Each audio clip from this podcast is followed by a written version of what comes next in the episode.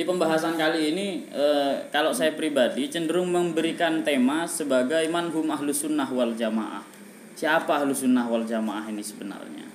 Bismillahirrahmanirrahim yas'alunaka anil jibal fakul yansifuha rabbi nasfa. Ketika ditanya kepada engkau wahai Nabi Muhammad anil jibal tentang gunung, katakanlah, fa-nya jelas ya, fa tadi yang sudah eh, teman-teman bahas ini adalah sebentuk penekanan langsung dijawab ini. Entah mereka yang bertanya itu dalam rangka istihza atau dalam rangka istihda. Istihza ini artinya pertanyaan yang mengolo-olo, artinya pertanyaan nggak penting. Kalau istihda ini pertanyaan yang memang betul-betul ingin mencari tahu. Sama-sama harus dijawab. Fakul sifuha robbi naswa. Kenapa kok harus dijawab dengan serius? Alasannya adalah di sini Imam Fahruddin Ar-Razi menulis sedikit komentar tentang perdebatan e, para filosof. Lebih khusus adalah guru beliau. Cuma beliau tidak tidak menyebut nama Imam Ghazali. Ini sayangnya menurut saya ini. Wah ini enggak disebut namanya. Di sini dikatakan oleh beliau ini termasuk syuhbah. Ini termasuk kesubhatan tamassaku biha jalianus. Yang dipegang teguh oleh Galen. Dalam filosof Yunani itu ada tokoh bernama Galen. Galen ini tokoh kedokteran juga selain filosof ya dia berpendapat bahwa alam ini abadi. Alasannya simpel alam ini abadi karena sesuatu untuk hancur dia harus memiliki nukson, kekurangan terus-menerus menyusut akhirnya hancur. Sementara kata Galen, matahari itu tidak pernah menyusut. Dengan demikian disimpulkan bahwa matahari itu abadi. Kalau matahari abadi, bumi juga abadi dan alam semesta semuanya abadi. Maka Al-Quran jelas mengatakan ketika ditanya tentang jibal, jibal ini kan perumpamaan tentang sesuatu yang paling kokoh. Kalau kalian ngomong matahari, maka di bumi ada jibal misalnya. Maka katakan dengan jelas, yansifuha rabbi nasfa. Nah, Tuhan akan menghancurkan itu. Jadi ciri-ciri ahlu sunnah wal jamaah ketika melakukan istidlal atau mencari dalil terkait dengan wujudnya Allah adalah hudusul alam, kebaruan alam semesta. Yang dimaksud baru itu apa? Dari tidak ada menjadi ada atau dari ada menjadi tiada. Karena ini ngomong tentang gunung, sesuatu yang sudah ada, maka dikatakan gunung itu akan tiada. Dengan demikian kekekalan alam itu tidak akan terjadi. Ini sebagaimana yang di counter oleh Imam Al-Ghazali ya. E, ada tiga bentuk counternya. Pertama model silogisme yang dilakukan oleh Galen yaitu silogisme eksepsionis yang mungkin tidak bisa dijelaskan di forum ini karena saya saya pikir tidak setiap orang e, sedang dalam on fire ya kondisi akalnya maksud saya. Maka nggak bisa dijelaskan sekarang. Ada juga argumentasi Imam Ghazali itu yang simple. Imam Ghazali mengatakan ilmu alam itu juga memiliki ketergantungan terhadap alat kata beliau. E, misalnya beliau memberikan contoh matahari itu ratusan kali lebih besar daripada bumi. Sehingga andai kata ada yang menyusut dari matahari tidak mungkin manusia bisa melihatnya apalagi misalnya menyusutnya dalam 100 tahun. Boleh jadi orang yang meneliti itu udah mati. Nah dengan demikian penyusutan alam juga belum tentu tidak ada kata Imam Ghazali. Kalau Galen mengatakan bahwa matahari itu ukurannya tetap itu dari kapan sampai kapan ngukurnya? Padahal alam semesta ini sangat luas sekali dan besar sekali. Dengan demikian alasan Galen mengatakan bahwa matahari itu tidak akan hancur karena tidak pernah menyusut secara logika ditolak dengan proposisi eksepsionisnya kemudian dalam dunia atau hazanah pengetahuan ilmiah itu juga ditolak. Karena alat yang digunakan itu belum boleh jadi kurang atau yang kedua waktunya masih kurang. Nah, lalu komentar Imam Ghazali ini kemudian dipotret dengan sangat baik sekali oleh Syekh Sulaiman Dunia dalam pengantar Tahafur Al-Falasifah yang ditulis pada tahun 1959 nah beliau katakan bahwa ini adalah salah satu bentuk kehebatan seorang ahli agama yang pandai logika bisa menjungkir balikkan seorang ilmuwan, filosof, bahkan ahli kedokteran. Dalam kasus ini adalah Galen. Waktu terkapar itu habis. Itu komentarnya uh, Sulaiman Adunia ya, keren sekali. Dan saya setuju dengan komentar itu.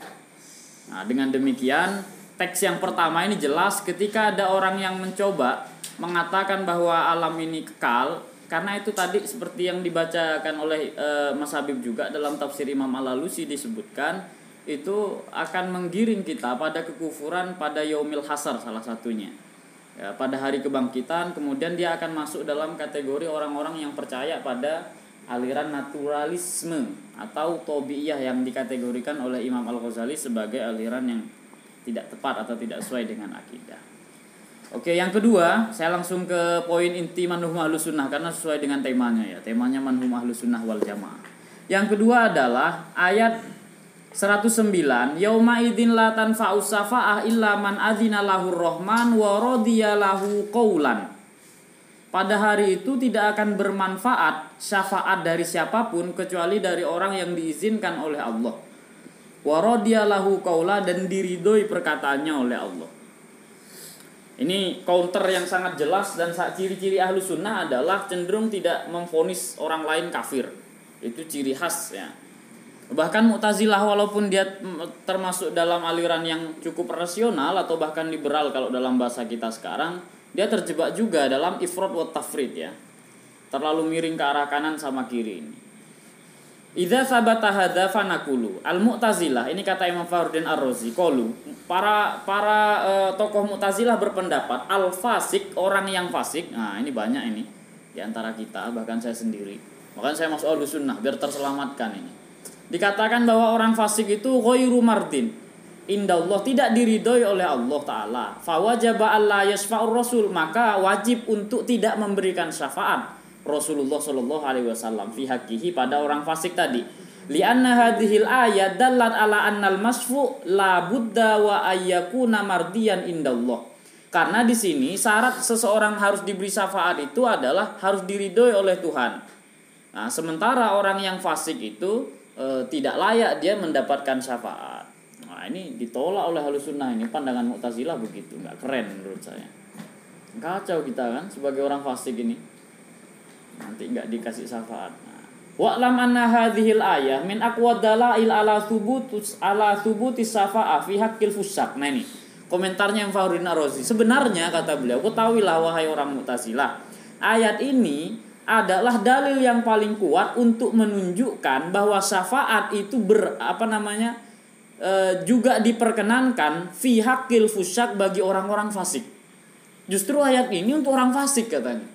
Bahwa mereka itu layak mendapatkan e, apa namanya syafaat nanti di hari kiamat. Lianna kaulahu wa radiyalahu kaulan karena ada redaksi ada sebuah lafat wa radiyallahu qaulan. Allah meridoi dari mereka kaulan perkataannya. Uh, yakfi fi sidqihi ayyakuna Allah taala qad radiyallahu qaulan wahidan min aqwalihi. Ini cukup asalkan Allah itu pernah ridho satu kali saja terhadap apa yang mereka katakan, maka mereka itu layak mendapat syafaat sebesar apa pun dosa mereka. Apa kata-kata itu? Wal fasik qadir tadallah Orang fasik itu telah diridhoi oleh Allah perkataannya satu saja min aqwalihi wa huwa syahadatu alla ilaha illallah wa anna muhammadar rasulullah. Jadi ketika orang pernah bersyahadat mengatakan tidak ada Tuhan selain Allah, alaiha nahya wa alaiha namut, yang dengan kalimat tersebut kita hidup dan dengan kalimat tersebut kita mati, maka orang itu layak mendapatkan syafaat. Ini pendapat ahlu sunnah wal jamaah. Jadi ciri-ciri ahlu sunnah adalah tidak ifrot ataupun tidak tafrid bal huwa tawassud baina baina isnain jadi dia ini tawassud nah, di tengah-tengah ini halus sunnah ini. Keren sekali. Bangga kita jadi halus sunnah ini. Alhamdulillah. Masuk surga nanti kan. Fawajaba antakuna syafa'ah nafiatun. Maka wajiblah syafaat itu bermanfaat lahu bagi orang yang fasik tadi. Li'annal istisna minan nafyi isbatun karena pengecualian dari sesuatu yang di, yang bersifat negatif atau negatif. Nah istilahnya gitu kan. Isbatun ialah e, afirmatif kira-kira begitu. Ingat ya istisna minan nafi istisna dari sesuatu yang negatif itu adalah isbatun. Faingkila kalau ada orang mutazilah yang membandel ini mutazilah yang bodoh ini. Oh enggak ini pinter ini karena dia masih nanya. Dia nanyanya begini. Innahu ta'ala ustusnia anzalikan nafyu ini. Loh, di ayat ini ada dua syarat katanya. Yang pertama, husulul izin, dia mendapatkan izin dari Allah. Yang kedua adalah ayyakuna qad radiyallahu qaula. Yang kedua, kata-katanya diridhoi oleh Allah. Dengan demikian nggak bisa dong ini dapat syafaat ini orang la ilaha illallah nggak cukup ini. Harus dapat izin juga artinya harus baik bukan orang fasik. Faham? Ketahuilah Dikatakan annal fasik qad hasala fihi ahadus syartaini. Orang fasik ini sudah mendapatkan salah satu syarat wahwa annahu ta'ala qad radiyalahu qaula yaitu kata-kata yang diridhoi oleh Allah. Lakin lima kultum innahu idzin fihi. Wa hadzal awal mas'alah qulna hadzal qayyid wa huwa annahu radiyalahu qaulan. Pada persoalan ini dikatakan ini adalah bentuk qayyid. Qayyid ini artinya pemberian batas ya, syarat-syarat khusus tertentu. Yang itu tidak termasuk dalam kategori. Kenapa? Karena wahwa annahu radiyalahu qaula kafun fi husulil istisna. Karena ketika Allah meridoi seseorang, ya kata-katanya itu diridhoi oleh seseorang itu cukup bidali liqaulihi ta'ala karena ada ayat dalam firman Allah taala di surat Al-Anbiya ayat 28 ayat dicatat suratnya saja ya. Wala yasfauna illa liman irtado. Di situ cuma cuma ridho aja yang jadi syarat esensial. Mereka itu tidak memberi syafaat kecuali bagi orang yang diridhoi. Jelas ayat ini menjelaskan radiyallahu qaula yaitu perkataannya. Asalkan pernah syahadat insya Allah masuk surga menurut pandangan ahlu sunnah fakta fahahuna maka cukuplah uh, di situ. Bihadal qayyid. Wa dallat hadhil ayah ala annahu la budda minal idzin fadhahara min majmu'ihima annahu idza radiya lahu qaula yasilul idzin fi safaah. Dengan demikian ini jelas ketika seseorang itu diridoi e, oleh Allah kata-katanya maka otomatis dia mendapatkan syafaat. Karena izin itu adalah koyit saja sebenarnya jadi seakan-akan syahadat ini kalau kita ibaratkan ini adalah kartu identitas atau KTP kalau dalam konteks sekarang ya mungkin ATM lah. Sehingga apa pun amal anda kalau nggak punya ATM mau berapa banyak uang anda nggak bisa diambil itu di bank. Maka iman ini adalah satu hal yang luar biasa sekali. Makanya lafadz la ilaha illallah itu harus diperbanyak. Kenapa? Karena seperti yang disebutkan di dalam ayat ini, pada hari itu tidak akan ada sesuatu yang bermanfaat kecuali orang-orang yang diizinkan oleh Ar-Rahman untuk memberikan syafaat dan diridhoi oleh Allah kaulan untuk ngomong. Jadi ngomong aja itu nggak bisa di hari itu. Dengan demikian, marilah kita belajar pada hari mulai hari ini bahkan detik ini memperbanyak la ilaha illallah sebelum lafadz la ilaha illallah nantinya di hari kiamat kita sulit untuk melafalkannya. Nah, ini berarti ucapan la ilaha illallah ini luar biasa sekali. Karena apa? Ya tadi itu kalimatun alaihanah ya walaihanamun. Ini adalah kalimat yang dengannya kita akan hidup dan dengannya kita akan bawa mati. Nah, id hasolal qayyidani hasolal istisna wa tammal maksud. Ini pandangan uh, umum umum tentang Imam Fakhruddin Ar-Razi. Kalau yang lain tidak sesuai dengan tema manhum sunnah wal jamaah, jadi saya tidak membahasnya. Kira-kira begitu. Allahu alam. Siapa yang belum? Aladdin ya. Ini apa lagi? Ustaznya seri. Siapa? Gus Ibu.